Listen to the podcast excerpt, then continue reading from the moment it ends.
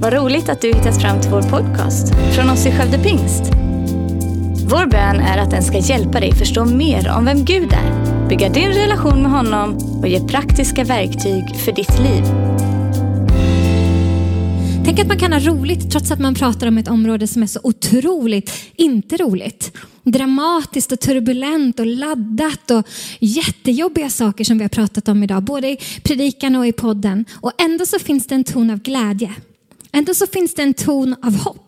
Ändå så finns det en ton av ljus. Därför att det vi pratar om, det vi predikar, det vi undervisar om, det är inte hur siffrorna ser ut, hur statistiken är, hur dystert det är. Det finns tillräckligt mycket med medierapporteringar som täcker den delen av undervisningen. Det finns tillräckligt många rubriker som vi möter dag efter dag efter dag som säger att socialtjänsten inte orkar med och primärvården orkar inte med och terapin orkar inte med och köerna till liksom kuratorer i skolorna är så långa så att folk hinner ibland gå ut skolan innan de hinner få det stödet. Det är inte okej okay att vi har ett sådant samhälle där det ser ut på det sättet. Men det är inte det vi predikar.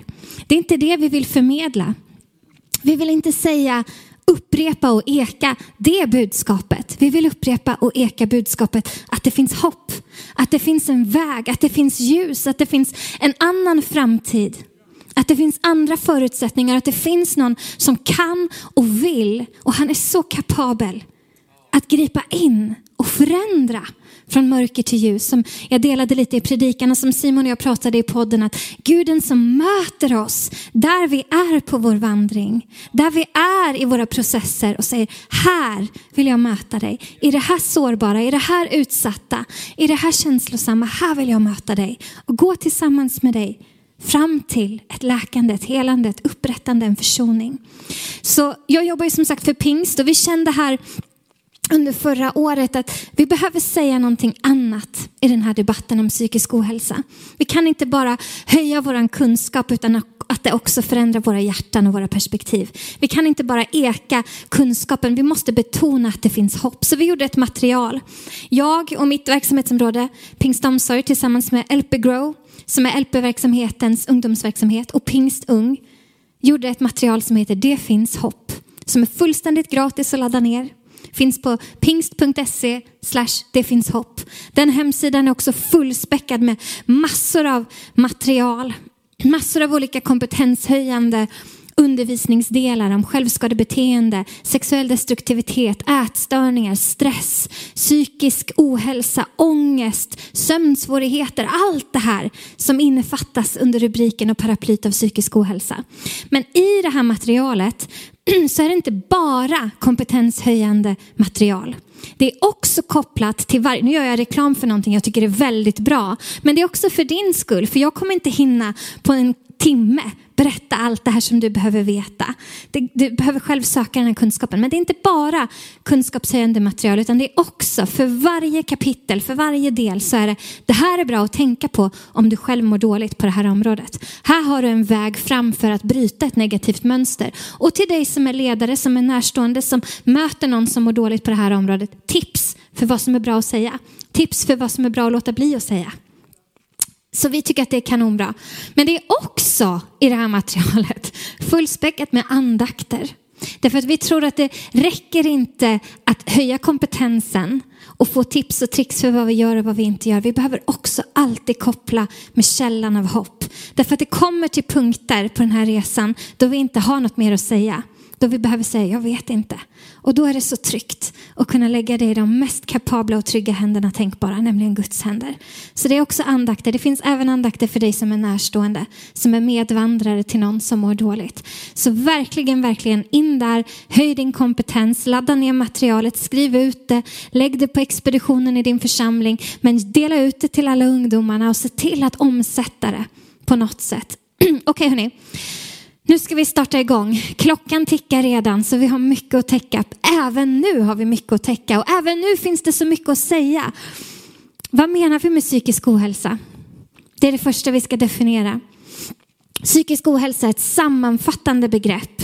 Därför att det fanns så mycket Så det krävdes ett sammanfattande begrepp så att vi alla skulle vara överens om vad vi pratar om. Ett sammanfattande begrepp för mindre allvarliga psykiska besvär som oro och nedstämdhet. Men det kan också innefatta mer allvarliga symptom som uppfyller kriterierna för psykiska diagnoser. Även psykiska besvär med nedsatt välbefinnande i samband med psykisk obalans eller vid symptom som oro, ångest, nedstämdhet och sömnsvårigheter. Och så pratar vi om psykosomatiska besvär som är fysiska besvär med psykologisk grund. Så det här är ungefär allt av termbas ni kommer få idag. Resten kommer inte vara termbaserat så ni kan vara lugna. Ni behöver inte känna er som att ni är i skolan och att ni redan är trötta och behöver gå och hämta en kopp kaffe. Det där var hela terminologin. Det här är bara för att vi ska vara överens om vad det är vi pratar om. För jag tror att det är viktigt att vi vet vad vi pratar om. Vi pratar alltså inte enbart om psykisk, psykiska diagnoser som behöver alltid behandlas eller oftast behandlas med någon typ av eh, sjukvården inblandad och ofta med medicinska preparat. Utan vi pratar om allt möjligt när vi pratar om psykisk ohälsa. Vi pratar alltså inte bara om sånt som drabbar vissa, utan sånt som kan drabba vem som helst av oss. Simon var inne på lite statistik tidigare och vi vet att ungefär 40 procent av Sveriges befolkning är direkt drabbat av psykisk ohälsa. Det vill säga ungefär 40 procent av Sveriges befolkning lider av oro, ångest, nedstämdhet, psykosomatiska besvär, självskadebeteenden, sömnsvårigheter, ångest, stressreaktioner. Ungefär 40 procent. Men vilka som är de här 40 procenten, det skiftar ju, eller hur? För livet går ju så här. Och ibland går det så här, och ibland går det så här. Men ganska ofta går det så här. Livet består av säsonger och processer och olika perioder i våra liv. Ibland känns det som att allting bara går oss väl och är lätt och rätt. Och ibland så är det inte så. Så vem som helst av oss kan vid något tillfälle eller flera i livet vara en del av de där 40 procenten. Men 100 procent av Sveriges befolkning är direkt påverkat av psykisk ohälsa eftersom alla känner någon. Jag vet inte om ni har någon chattfunktion uppe nu, men om du sitter hemma i ditt vardagsrum och tittar eller du kanske sitter med en grupp kompisar, ställ frågan i rummet. Hur många här känner någon eller har personlig erfarenhet av psykisk ohälsa? Och jag räcker upp handen på det. Och jag har några stycken här i rummet och några räcker upp handen här också. Och hur många känner någon eller har personlig erfarenhet av någon som är kristen? Som tror på Gud? Som lider av eller har lidit av psykisk ohälsa räcker upp handen. Det var också precis allihopa.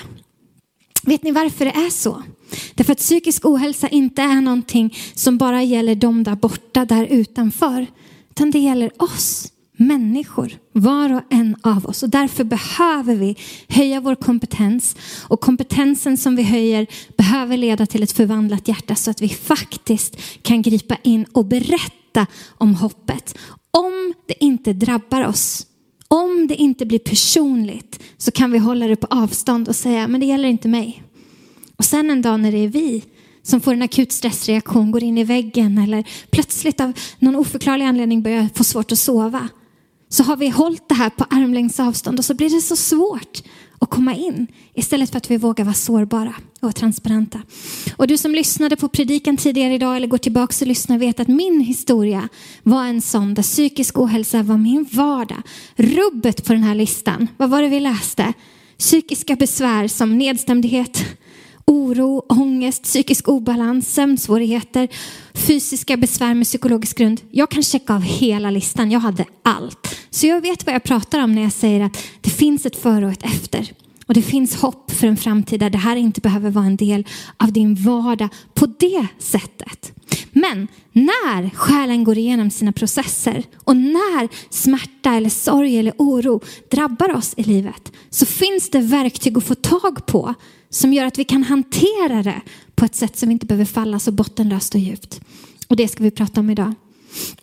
Psykisk ohälsa, 40 procent av Sveriges befolkning alltså.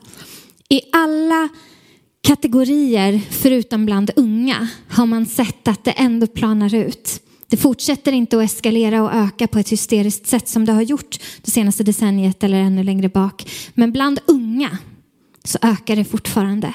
Och det är riktigt alarmerande. Och därför också behöver vi ha riktigt, riktigt bra koll på vilken grund vi lär ut till de unga. Vilken grund vi lär ut till oss själva. Så jag ska bara nämna, ni ser dem på skärmen, men några bibelord som behöver vara grundförutsättningen när vi pratar om de här områdena. Vi pratar om psalm 23 Herren är min hedersalmen, där Gud är Gud som är med alla livets säsonger. Han är med på de gröna ängarna, han är den som för oss i vall och vila och återhämtning. Men han är också Guden som tar oss i handen, låter oss greppa tag i staven av tröst och går med oss genom och ut ur dödsskuggans dal. Vi behöver ha en grund som säger att alla de processerna så är Gud god och han är med och han vill vara närvarande. Vi behöver stå på psalm 119 och vers 68 där det står du är god och du gör gott. Om vi inte tror att Gud är god och att Gud gör gott så blir det väldigt, väldigt smärtsamt för vår tro när vi går igenom en storm, när någonting drabbar oss, när någonting går sönder i våra liv och vi inte längre kan ha det där beviset i våra liv på att Gud är god och Gud är gott. För plötsligt så rasar allt det där som vi byggde vårt liv på. Så om Gud bara är god när det går väl för oss har vi problem. Och om Gud bara gör gott när han gör gott för oss konstant i våra liv och vi kan se det och följa mönstret, då har vi problem. Så vi behöver ha en grund att stå på som säger att Gud är god. Gud gör gott. Det är hans person. För då fladdrar inte våran tro i vinden baserat på om vi alltid får bönesvar, om det alltid blir så som vi tänker oss, om allting alltid samverkar på det sättet som vi hade förväntat oss, utan då står vi orubbliga i han som är orubblig. Det behöver vara våran grund. Bibeln säger i Johannes 8.32 att ni ska lära känna sanningen och sanningen ska göra er fria. Och i Johannes 14.6 så säger Jesus att det är han som är sanningen. Så vår grund behöver vara att en relation med Jesus som är sanningen får vara det som definierar oss och får vara det som definierar förutsättningarna. Det behöver vara en del av vår grund. Och sen finns det en inbjudan i Johannes 15 och 4 och 15 och 9 om att bli kvar i relation, bli kvar i hans kärlek. Det betyder bli kvar nära honom oavsett hur det stormar. Oavsett vad du möter, oavsett hur förutsättningarna ser ut. Det är okej okay att vara sårbar inför Gud. Han kan hantera det. Han till och med vill hantera det. Så det här är på något sätt grunden för allt annat jag kommer säga. Står vi inte på det här benet så kan det finnas en risk att det blir jobbigt med vissa av de andra sakerna. Så vi står på att han är sanning, han är god, han gör gott, han vill vara nära oss, han vill ha med oss att göra i alla livets säsonger och det är okej okay att vara sårbar inför Gud. Är det okej okay att vi står på det? Superbra. Okej, okay. vanliga skäl till psykisk ohälsa får ni upp på er skärm nu hoppas jag. Söker lite så kontakt med, ja det är så jag får tummar upp, det är superbra. För det är bra om ni ser vad jag ser, annars så blir det så problematiskt. Det finns så mycket mycket som kan vara en grund till psykisk ohälsa. Det är inte alltid som det är att man kan se det där självklara traumatiska som hände i uppväxten som ledde till att det blev som det blev. Utan det finns allt möjligt. Och vi behöver vara väldigt noggranna med att vi har koll på det. För att mycket av det här kan vi hantera och förändra omständigheterna kring. Det kan röra sig om hormonell instabilitet och att vi behöver tillföra ett hormon. Att vi kanske behöver en påfyllnad av östrogen i vår kropp. Eller att vi kanske behöver justera hormonnivåerna medicinskt för att det fattas något som rent kemiskt påverkar oss så att vi inte mår bra. Det behöver vi ha koll på. Vi behöver ha koll på den kemiska balansen i kroppen så att det inte är någonting med serotonin eller melatonin eller någon av de andra substanserna som, hjärnan, eller som kroppen ska producera naturligt för att ge oss rätt dos av. Ifall det finns en instabilitet i det så kan det till, behöva tillföras någonting för att vi ska må bättre. Det är bra att utreda innan man behöver gräva i saker och säga att Nej, men jag står under andlig attack, för det är det också ibland. Ibland är det andligt, men det kan vara superduper bra att ha koll på allt det här som det också skulle kunna vara innan man börjar skylla allting på Satan. Även om han inte är speciellt schysst på området heller, definitivt. Jag är ledsen, jag var tvungen. Sömnbrist. Jag har två små barn hemma. De är sex år och åtta år. Simon vet vad jag pratar om för han har också ett litet barn hemma. När man inte sover ordentligt så mår man inte bra. Sömnbrist räknas som ett tortyrverktyg. Det är inte för inte. Att bli berövad sömn när kroppen behöver vila och återhämtning gör att vi blir i total obalans med hormoner, med kemikalier, med allt det där som kroppen ska reglera naturligt. Det blir onaturligt för det kommer ur balans och kroppen ställs i ett stressat läge där den försöker få oss att överleva för den känner sig hotad. Det är ingen som fattar bra beslut när man känner sig hotad. Det blir alltid då fly eller fäkta. Vi hamnar i den delen av hjärnan som kallas för reptilhjärnan. Och vi bara reagerar på instinkt för överlevnad. Vi måste bara klara oss igenom den här dagen. Vi måste bara klara oss fram till nästa stund vi kan få sova. Så om du inte sover bra så kan det påverka ditt mående. Oro om du går under en längre tid och känner dig orolig kring någonting så påverkar det din psykiska hälsa. Så här behöver vi vara noggranna med att checka av och stämma av med oss själva. Hur mår jag? Vad händer i livet? Är det någonting som har förändrats på sistone? Så att vi har koll på det. Utbrändhet eller akut stressreaktion som det ofta står i sjukskrivningsintygen.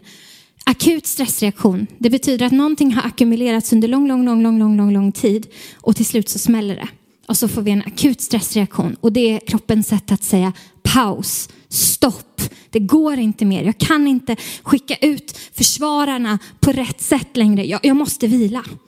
Det behöver vi lyssna på.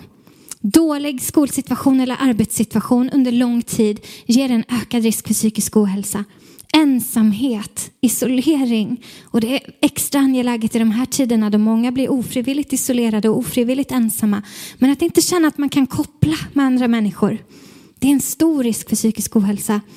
Trauman, kriser, närstående stöd, någonting som man har varit med om i sin uppväxt, ekonomisk kris och så vidare. och så vidare. Det här är några exempel på vad som skulle kunna leda till psykisk ohälsa och som är vanliga skäl till det. Och jag vill ta upp dem först. Därför att alla av oss skulle ju kunna checka av att ja, men i någon period av mitt liv har det sett ut så här. Så jag skulle vilja bryta med den här föreställningen att det här gäller dem som är sköra eller utsatta eller som har varit med om övergrepp när de var barn. Det här kan gälla oss alla. Därför behöver vi ha koll. Okej? Okay? Men någonting som är väldigt intressant, väldigt, väldigt, väldigt intressant, det är att i alla studier, i alla fall alla som jag har läst, och det finns många, på det här området kring psykisk ohälsa så finns det en sak som är med i alla. I rubbet av dem. En faktor som är en riskfaktor som alltid, alltid benämns. Och det är ensamheten.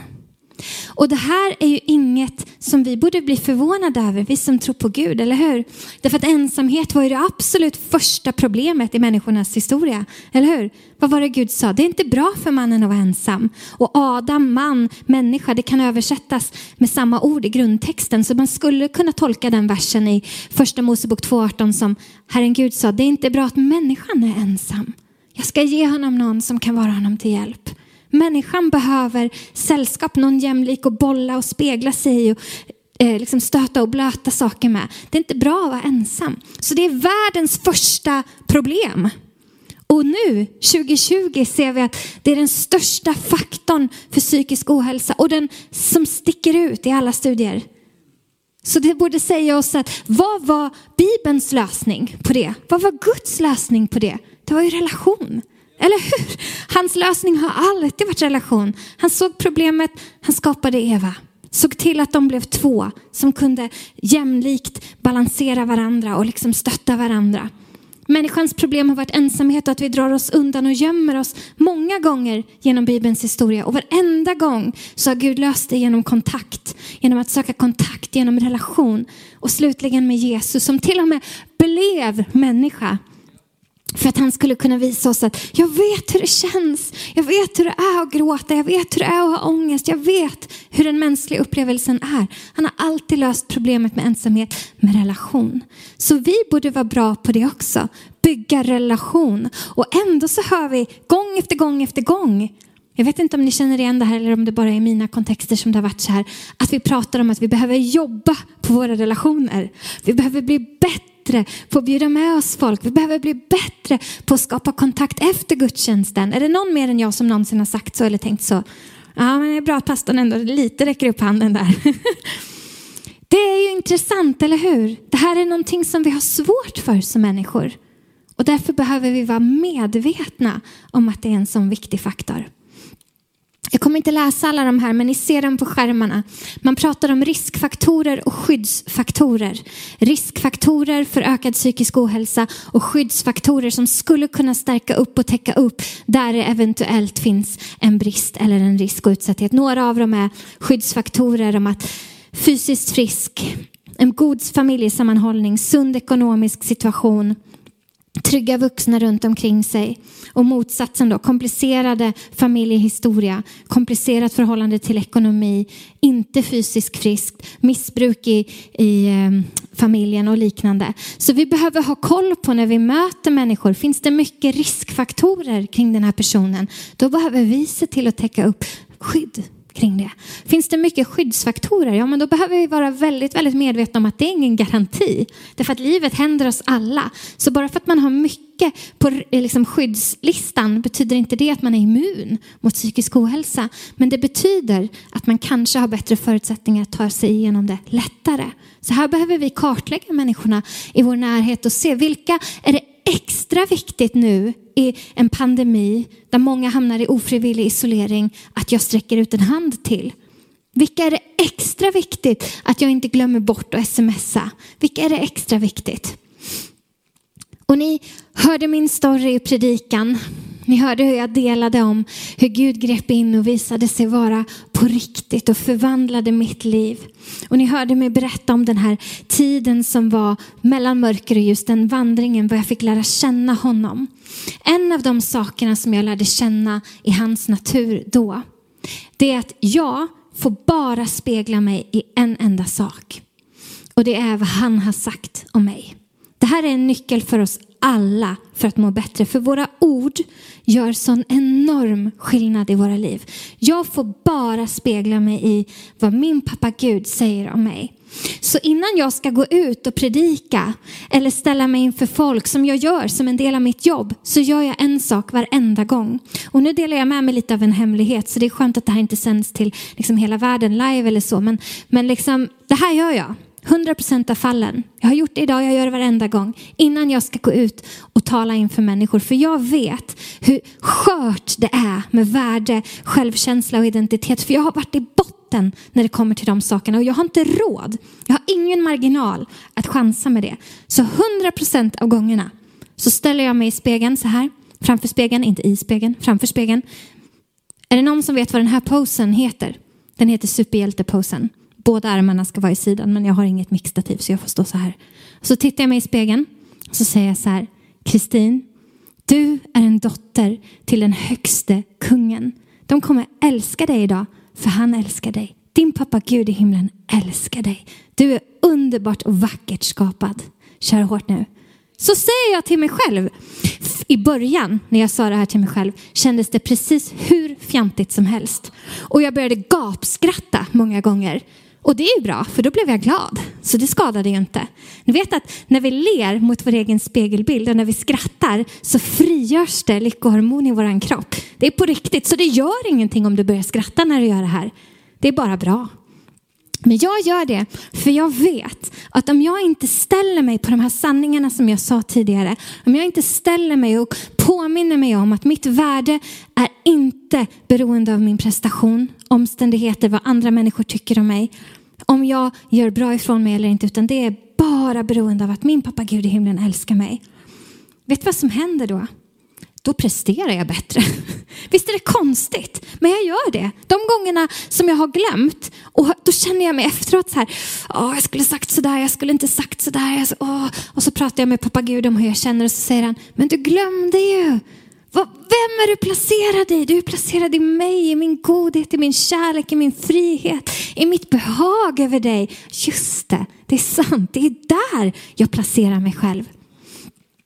Så numera så ser jag på mitt liv inte som liksom den här konstanta vandringen mellan dödsskuggans dal och de gröna ängarna. För jag har lämnat, det skulle ju vara superjobbigt om det var alltid så mitt liv var. Jag är på väg liksom konstant, konstant på väg från dödsskuggans dal. Utan snarare en vandring på ett hav. En vandring där jag ibland kommer ihåg att fästa blicken på Jesus och då kan jag gå på vatten. Faktiskt. Och ibland glömmer jag bort att fästa blicken på Jesus och då drar han upp mig ur vattnet. Och ibland sitter jag i båten och tittar på vågorna tillsammans med Jesus och kommer ihåg att han är den som kan sova i stormen och jag är placerad i honom. Goda nyheter för mig. Och ibland sitter jag där och försöker ro själv och det är superduperstormigt. Jag bara och då kommer jag ihåg att han har sagt att jag inte behöver känna någon oro för allt det jag möter i världen i världen så får vi lida, men Jesus har besegrat världen.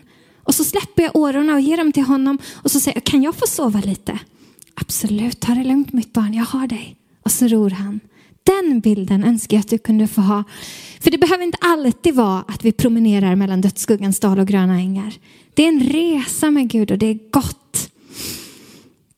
Den här bilden på min familj, den får mig att gråta. För här är jag 30 år. Och när jag var barn och tonåring så trodde jag inte att jag någonsin skulle bli 30 år. Jag var jättesäker på att jag skulle vara död i någon överdos eller vad som helst någonstans i något sammanhang långt innan 30. Så varje gång som jag predikar så tittar jag på den här, mina barn är mycket större än sådär nu, men så vill jag ha med den här bilden. Varje gång jag undervisar, för den här bilden, som inte är bakom mig utan som är i era skärmar, den säger till mig någonting om Guds trofasthet, Guds godhet, Guds förmåga till att försona och upprätta allt. Fullständigt allt. Så jag vill att ni ska se den. Titta på min vackra familj och så fundera över vad jag sa om mitt liv i predikan i morse. Och så tänker ni, vår Gud är kapabel att göra mirakel. Och har han gjort det en gång kan han göra det igen. Uppenbarelseboken 19 och 10 säger att Jesu vittnesbörd är profetians ande. I sista raden där i vers 10. När vi delar vad Jesus har gjort så är det som att hela andevärlden och allting aktiveras till att säga gör det igen Jesus. För han kan. Och vittnesbörd kan översättas till gör det igen. Så när jag ser den här bilden så bygger det tro och förväntan på mig, i mig på att Gud är kapabel. Och de här två bibelorden, vi vet att Gud kan använda varje händelse till något gott för de som älskar honom och enligt hans plan får tillhöra honom. I Romarbrevet 8 och 28.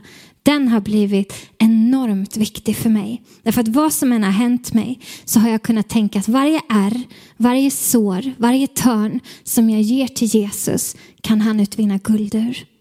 Och det andra bibelordet det är när Josef möter sina bröder efter att de har sålt honom som slav och han har varit i fängelse och det har hänt massor av orättvisor. Och han har en chans att säga till dem, ja men nu tänker jag beröva er det som ni behöver för att ni har varit onda mot mig. Men istället så väljer han den här inställningen. Och det är en inställning jag skulle vilja uppmuntra dig, du som är på andra sidan av den här skärmen, som kanske har varit med om övergrepp eller varit utsatt för olika saker eller som har hamnat i din psykiska ohälsa på grund av trauman eller någonting som människor har gjort mot dig. Det här är någonting som ger oss perspektivskifte. Det står så här, ni ville mig ont, men Gud har vänt det till något gott. Han ville göra det som nu har skett och därigenom bevara många människors liv. Därför att när Josef hamnade i det här läget och han kunde välja att förbanna dem så valde han istället att välsigna dem. Och det är lättare sagt än gjort när människor har skadat dig. Men jag tror att det är ett utgångsläge som Gud önskar oss. Okej, okay, nu ni. Nu ska vi prata om själen. Vi ska prata om tankar och känslor och vilja. Det som vår själ lite kortfattat och förenklat består av. Men innan vi går in i det så ska ni se den här bilden på Jesus. Den här bilden är målad av en konstnär när hon var åtta år gammal efter att hon hade fått en vision av Jesus. Och den heter Fridsfursten. Prince of Peace. Det var så han visade sig för henne. Och jag kan inte se den här bilden på Jesus utan att känna mig fridfull och trygg och bli påmind om vem han är. Och jag har kopplat den bilden till ett citat från en, en sång som heter Remember. Där det står så här, och det är uttaget egentligen ur Saltaren, men det står Oh my soul, remember who you're talking to. The only one who death bows to. That's the God who walks with you. Alltså, åh min själ, kom ihåg vem det är du pratar med. Den enda som döden böjer sig för. Ja, det är den guden som går med dig. Så när vi går in i den här delen om själen så skulle jag vilja att vi enas om den här bilden av Jesus. Den här bilden av fridsförsten. Guden som går med oss och vars namn som till och med döden måste böja sig för. Tänk om vi kunde ha det perspektivet på våra böner, på vår klagan, på våra samtal. När vi vänder oss till Gud, att vi kommer ihåg den du pratar med just nu. Det är hans namn som till och med döden måste böja sig för. Jag älskar det och det är från Saltaren så det är ju, antagligen så var David i en riktig sån där Davidsvacka där han började versen med Åh, jag är så bedrövad och jag vet inte vad jag ska göra av mig själv och jag önskar att jag bara dog och sådär. Men någonstans i versen så säger han till sig själv, men min själ, kom ihåg vem det är du pratar med. Du pratar med Guden som har varit trofast och kommer vara trofast. Det behöver vara vårt perspektiv. För Jesus tycker inte illa om vår själ. Han tycker liksom inte att det är problematiskt att vi har känslor och tankar. Tvärtom så tycker han att det är kanon. För det var med flit som vi blev designade så. Så själen, ni får upp en bild nu med en hjärna och ett hjärta i sig. Själen kan kortfattat beskrivas som att den består av känslor och tankar och vilja. Och här startar mycket av den psykiska ohälsan. Men det är också här som vi har fått verktyg att påverka. Det är här vi har fått fantastiska nycklar från Gud till hur vi faktiskt kan förändra vårt mående. För så här fungerar det att våra känslor följer våra tankar och våra handlingar följer våra känslor. Så allting börjar här med orden. Det är därför jag står i superhjälteposen och berättar för mig själv vem jag är och vems jag är. Därför att när jag hör mig själv säga det så händer det någonting med mina tankar som styr mina känslor, som styr min vilja. Vet ni att vår hjärna, det finns en del i våra hjärnor som är designad för att lyssna mer på vad vi säger än vad andra människor säger. Det finns en del i våra hjärnor som är skapad för att värdera våra ord som högre sanning än andra människors ord. Och det är därför det är så fruktansvärt viktigt vad vi säger om oss själva. Det är därför det är så oerhört viktigt vilka ord som vi tar emot från andra. Att vi sätter gränser på ett bra sätt. Att vi kan säga nej, vänta, stopp. Det där kan jag inte ta emot när det är någonting. För då hör din hjärna dig sätta en gräns mot det som personen sa. Och hjärnan sätter upp som ett skydd och bara ping, ping, pong. Då kan det liksom inte komma in. Vi har sån enorm kapacitet och förmåga att påverka våra känslor och våra handlingar genom att vakta våra tankar, vakta våra ord. Det här är superduper viktigt. Under en dag så tänker vi ungefär 50 000 tankar. 70 procent av dem är vi inte ens medvetna om. 70 procent av 50 000. Någon som är bra i matte kan skriva i chatten vad det blir. Men 70 procent av 50 000 har vi ingen aning om att vi tänker. Och 95 procent av alla tankar som snurrar i våra huvuden. Så 95 procent av 50 000 är bara upprepning. Så se till att det du upprepar det du kan kontrollera, det du är medveten om är gott. Är någonting som bygger dig, är någonting som ger dig styrka och vind i ryggen och får dig att känna dig stark och modig, smart och vacker, kapabel, trygg, hoppfull och inte motsatsen. Och det finns studier som säger att det är så mycket som 70 000 tankar. Och det finns studier som säger att det är så mycket som 80 000 tankar. Men jag tänkte att jag tar den lägsta gemensamma som de är överens om alla hjärnforskare så har jag i alla fall inte överdrivet idag. Så nu går vi in i tre stycken kategorier här. Den första heter Du är inte hur du känner dig. Hur många har någon gång känt sig misslyckad? Jag har gjort det i alla fall. Hur många har någon gång sagt högt så här, åh, jag är så dum, varför gjorde jag så? Mm. Hur många har någon gång känt sig som att det här kommer aldrig bli bra igen? Eller nu satte jag den sista, nu är det kört, det där var droppen. Mm. De känslorna är ju inte nödvändigtvis sanna, eller hur? Men likväl så påverkar de våra handlingar. Och därför behöver vi ha stenkoll på våra känslor. Känslor är usla ledare. Men de är fantastiska vägvisare. Skulle du lita på en vän som ljög för dig lika mycket som dina känslor så skulle du ha för det första ganska dåliga vänner men också du skulle hamna i ganska mycket trubbel för våra känslor ljuger för oss så fruktansvärt mycket. Den bästa liknelsen som jag har hört om känslor är att känslor de är som barn i en bil och bilen är ditt liv. Så barn i en bil de behöver vara placerade på rätt plats i bilen. Man får inte sätta barnen, gör inte det här ni där hemma. Man får inte sätta barnen i bilen i förarsätet och säga kör hårt, vi ser vart vi hamnar. För då antingen så startar man inte överhuvudtaget för de vet inte hur de får igång bilen. Och så får de något hysteriskt utbrott för att det inte funkar. Eller så kraschar man in i en bergvägg. För barn som styr en bil skulle vara livsfarligt. Men man kan heller inte, och det här rekommenderar jag verkligen inte, man kan heller inte placera barnen i bagageluckan och stänga och sätta sig och köra iväg.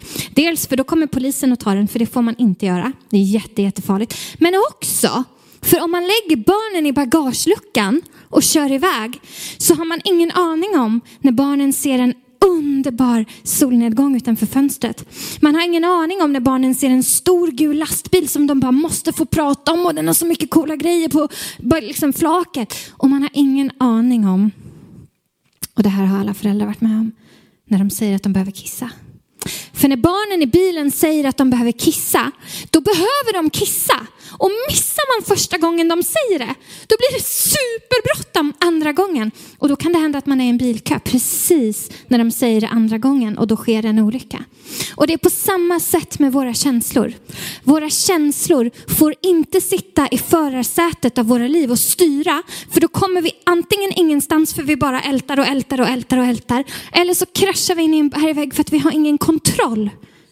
Och vi får heller inte lägga våra känslor i bagageluckan och låtsas som att de inte finns. Jag är en robot, jag har inga känslor, jag känner ingenting. För likväl så finns de där.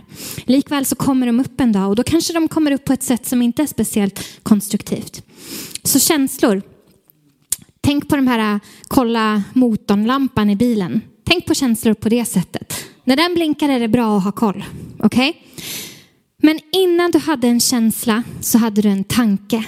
Därför att det är dina tankar som styr dina känslor och det är sen dina känslor som styr dina handlingar. Och eftersom det är så att innan du hade en känsla så hade du en tanke så har Bibeln gett oss ett fantastiskt verktyg kring våra tankar. Är ni redo för det? Ja, titta på Simon för han vet att det här betyder att jag behöver mer tid än vad som står på klockan. så här står det i andra Korintierbrevet 10, vers 3-5. Jag lever i världen, men strider inte med världsliga vapen. Till de vapen jag brukar i min kamp hör inte denna världen till, utan får kraft av Gud att bryta ner starka fästen. Jag bryter ner tankebyggnader och allt som trotsigt reser sig mot kunskapen om Gud. Och jag gör varje tanke till en lydig fånge hos Kristus.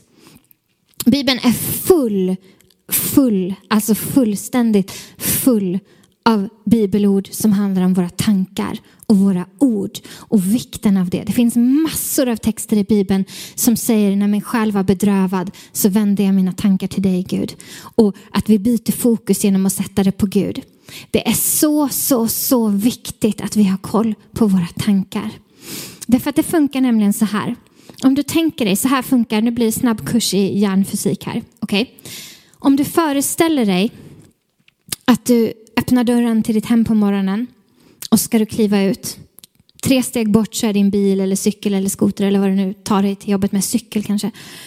Men innan du kan komma fram till det du behöver ta dig till jobbet med så är det snö hit upp. Så du behöver gå genom världens snödriva. Bara tre steg, men du behöver gå den här jobbiga biten för att ta dig dit.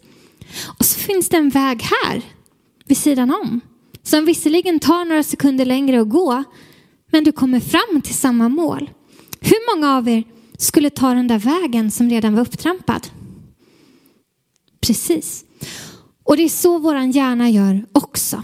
Vi vill alltid, hjärnan vill alltid ta den enklaste vägen för att komma fram till ett resultat. Det är så tankebanor i vår hjärna funkar. Så ifall att du har tankebanor som jag hade, som säger att du är värdelös, du är äcklig, ingen kommer någonsin älska dig, det vore bättre om du aldrig hade blivit född. Så är hjärnan van att gå den vägen för att komma till resultatet. Och de här tankarna är kopplade till triggers och olika saker som händer och som får det att blossa upp. Men hjärnan går den vägen. Så när Bibeln säger att vi ska göra tankarna till en lydig fånge och placera dem i Kristus så att det kan brytas ner starka fästen så är det de här tankebanorna av destruktivitet bland annat som Bibeln talar om. Vi behöver bygga nya vägar. Vi behöver gå genom snön och ploga. Därför att när vi då går till en annan slutsats, när reaktionen är, tanken är, jag är värdelös, det hade varit bättre om jag aldrig hade blivit född. Och vår instinktiva reaktion är att gå dit och vi stannar upp och istället går, nej men jag är en dotter till den högsta kungen, åh det är lite motigt att gå här i snön, för det är alltid motigt att gå i snö. Då byggs det successivt en ny tankebana tills dess att det har snöat igen här borta. Det har snöat igen och det har byggts ett nytt mönster som är en ny norm och en ny slutsats. Och det här det kommer in. Ja, det här är massor av bibelord. Fota det snabbt. Ta en printscreen alla på chatten. Massor av bibelord som handlar om tankarna, men vi hinner inte gå in på dem nu, så nu räknar jag med att ni har tagit en printscreen. Det är här det kommer in våran vilja. Därför att när vi är i en process av att försöka ta hand om vår själ och må bättre, så behöver vi aktivt fatta beslutet att gå genom snön. Det är någonting som inte sker per automatik. Hjärnan vill gå på den redan upptrampade stigen och är den destruktiv, då är det där hjärnan vill gå.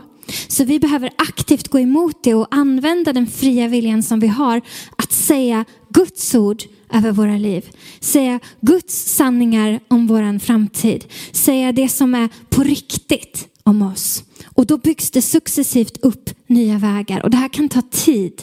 Och vi behöver ha tålamod med oss själva och med varandra för att bygga den här nya vägen och den här nya processen. Men så bryter vi ner tankebyggnader. Så vi behöver välja perspektivet att vi är placerade i Kristus. Vi är söner och döttrar till den högste kungen. Hans perspektiv på mina omständigheter är det som styr. Och alltid aktivt välja att tala hans sanning. Och till slut när vi har gjort det, för jag gjorde det här med massor av områden, då gjorde jag så här, så här tar man en tanke till fånga. När tanken kommer upp, jag är värdelös, här kommer den, jag håller i den här, så tog jag tag i den. Så sa jag, Jesus vad säger du om det? Min känsla och min tanke just nu är att jag är värdelös. Vad har du att säga om det? Och så aktivt tog jag upp den andra handen så här för att liksom demonstrera för mig själv att nu skiftar jag fokus till Guds fokus. Och så kände jag, vad säger han? Nej, han säger att jag är en dotter till den högste kungen, att jag är älskad och underbar och dyrbar. Med evig kärlek har han älskat mig. Han förde mig ut i frihet för han älskar mig. Och så matade jag mig med hans sanningar om mig. Och jag fick göra så på ganska många områden, ganska många år. Och jag gör det fortfarande. Så det är mitt bästa tips till er. Hur du faktiskt och praktiskt tar en tanke till fånga. När lögnen kommer upp, någonting som skapar en negativ känsla i dig. Oh, vad säger du om det här Jesus? Min känsla just nu är att jag totalt misslyckades i Skövde Pingst när jag var där och var inbjuden för att tala. Vad har du att säga om det? Nej, det var fantastiskt Kristin. Vet du varför? För jag var med dig och jag bor i dig.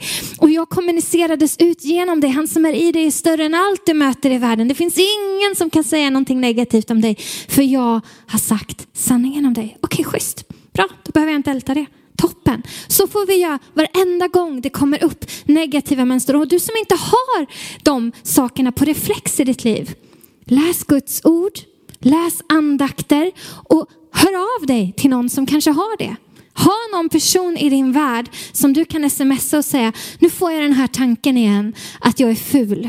Jag hittar ingenting i Bibeln, jag vet inte vad jag ska söka på. Och så har du en god vän eller en pastor eller någon som du litar på som säger, men vet du, det här bibelordet snubblade jag över idag när jag tänkte på dig. Här står det att du är övermåttans underbart vacker, skapad. Läs det över dig själv. Ja, bra, så läser du det över dig själv. Varenda gång som den tanken kommer upp, ta den till fånga. Vad är Guds sanning om det här? Och så bryter du successivt negativa tankemönster tills dess att du har plöjt upp en ny väg och hjärnan går hit istället. Visst är det goda nyheter att vi kan göra så? Åh, det är så mycket jag vill säga er, vi hinner inte. Okej, okay, vi, vi går mot avrundning. Johannes 1 och 5 står det att ljuset lyser i mörkret och mörkret har inte övervunnit det. Vi alla känner någon som kämpar, vi alla känner någon som mår dåligt. Och vi kommer kanske sitta en stund och prata lite om vad man konkret kan göra. Jag vet inte vad vi ska göra nu Simon, du får säga. Men jag skulle vilja säga, ni har en bild uppe på er skärm just nu som är en tunnel där det är ljus långt där borta. Men det är ganska mörkt och det är ganska fullt av skuggor. Och skuggor kan vi ofta när vi mår dåligt se som ett tecken på att det är liksom turbulent och dramatiskt och tungt. Och det är, min värld är full av skuggor. Men vet du att skuggor betyder att det finns ljus Ljus någonstans. Ljus som är på väg att bryta igenom. Och för varje steg du tar, för varje gång du liksom skopar snö bort från den här banan som är den rätta sanningen om dig. Varenda gång som du tar tanken till fånga och talar ut Guds sanningar om dig. Varenda gång som du fattar ett hälsosamt beslut över ditt liv. Varenda gång som du ställer dig i spegeln och berättar för dig själv att du är älskad, att du är dyrbar. Så kommer du ett steg närmre ljuset. Vi rör oss genom tunneln tillsammans med han som inte överger oss på vägen. Och till slut så kommer vi fram och ser tillbaka och ser, det var ju just hela vägen. För ni vet när man byter perspektiv, då ser man det helt annorlunda. Och det som är mörkt långt där borta, det ser väldigt annorlunda ut när man står i ljuset. Mot när man står i mörkret och tittar bort. Tack för att du lyssnat. Gärna podden med dina vänner och glöm inte att prenumerera så du inte missar nästa predikan. Om du har några frågor eller vill att vi ska be eller tacka för något tillsammans med dig så får du gärna höra av dig till kyrkan skövdepingst.se. För oss är veckans höjdpunkt söndagens gudstjänst och det vore så kul att träffa dig där. Våra team finns då redo att ta emot dig och det finns även egna samlingar för barnen. Du hittar mer information om oss, vilka vi är och våra olika mötesplatser på skövdepingst.se. Gud välsigne dig och ha en fortsatt bra vecka.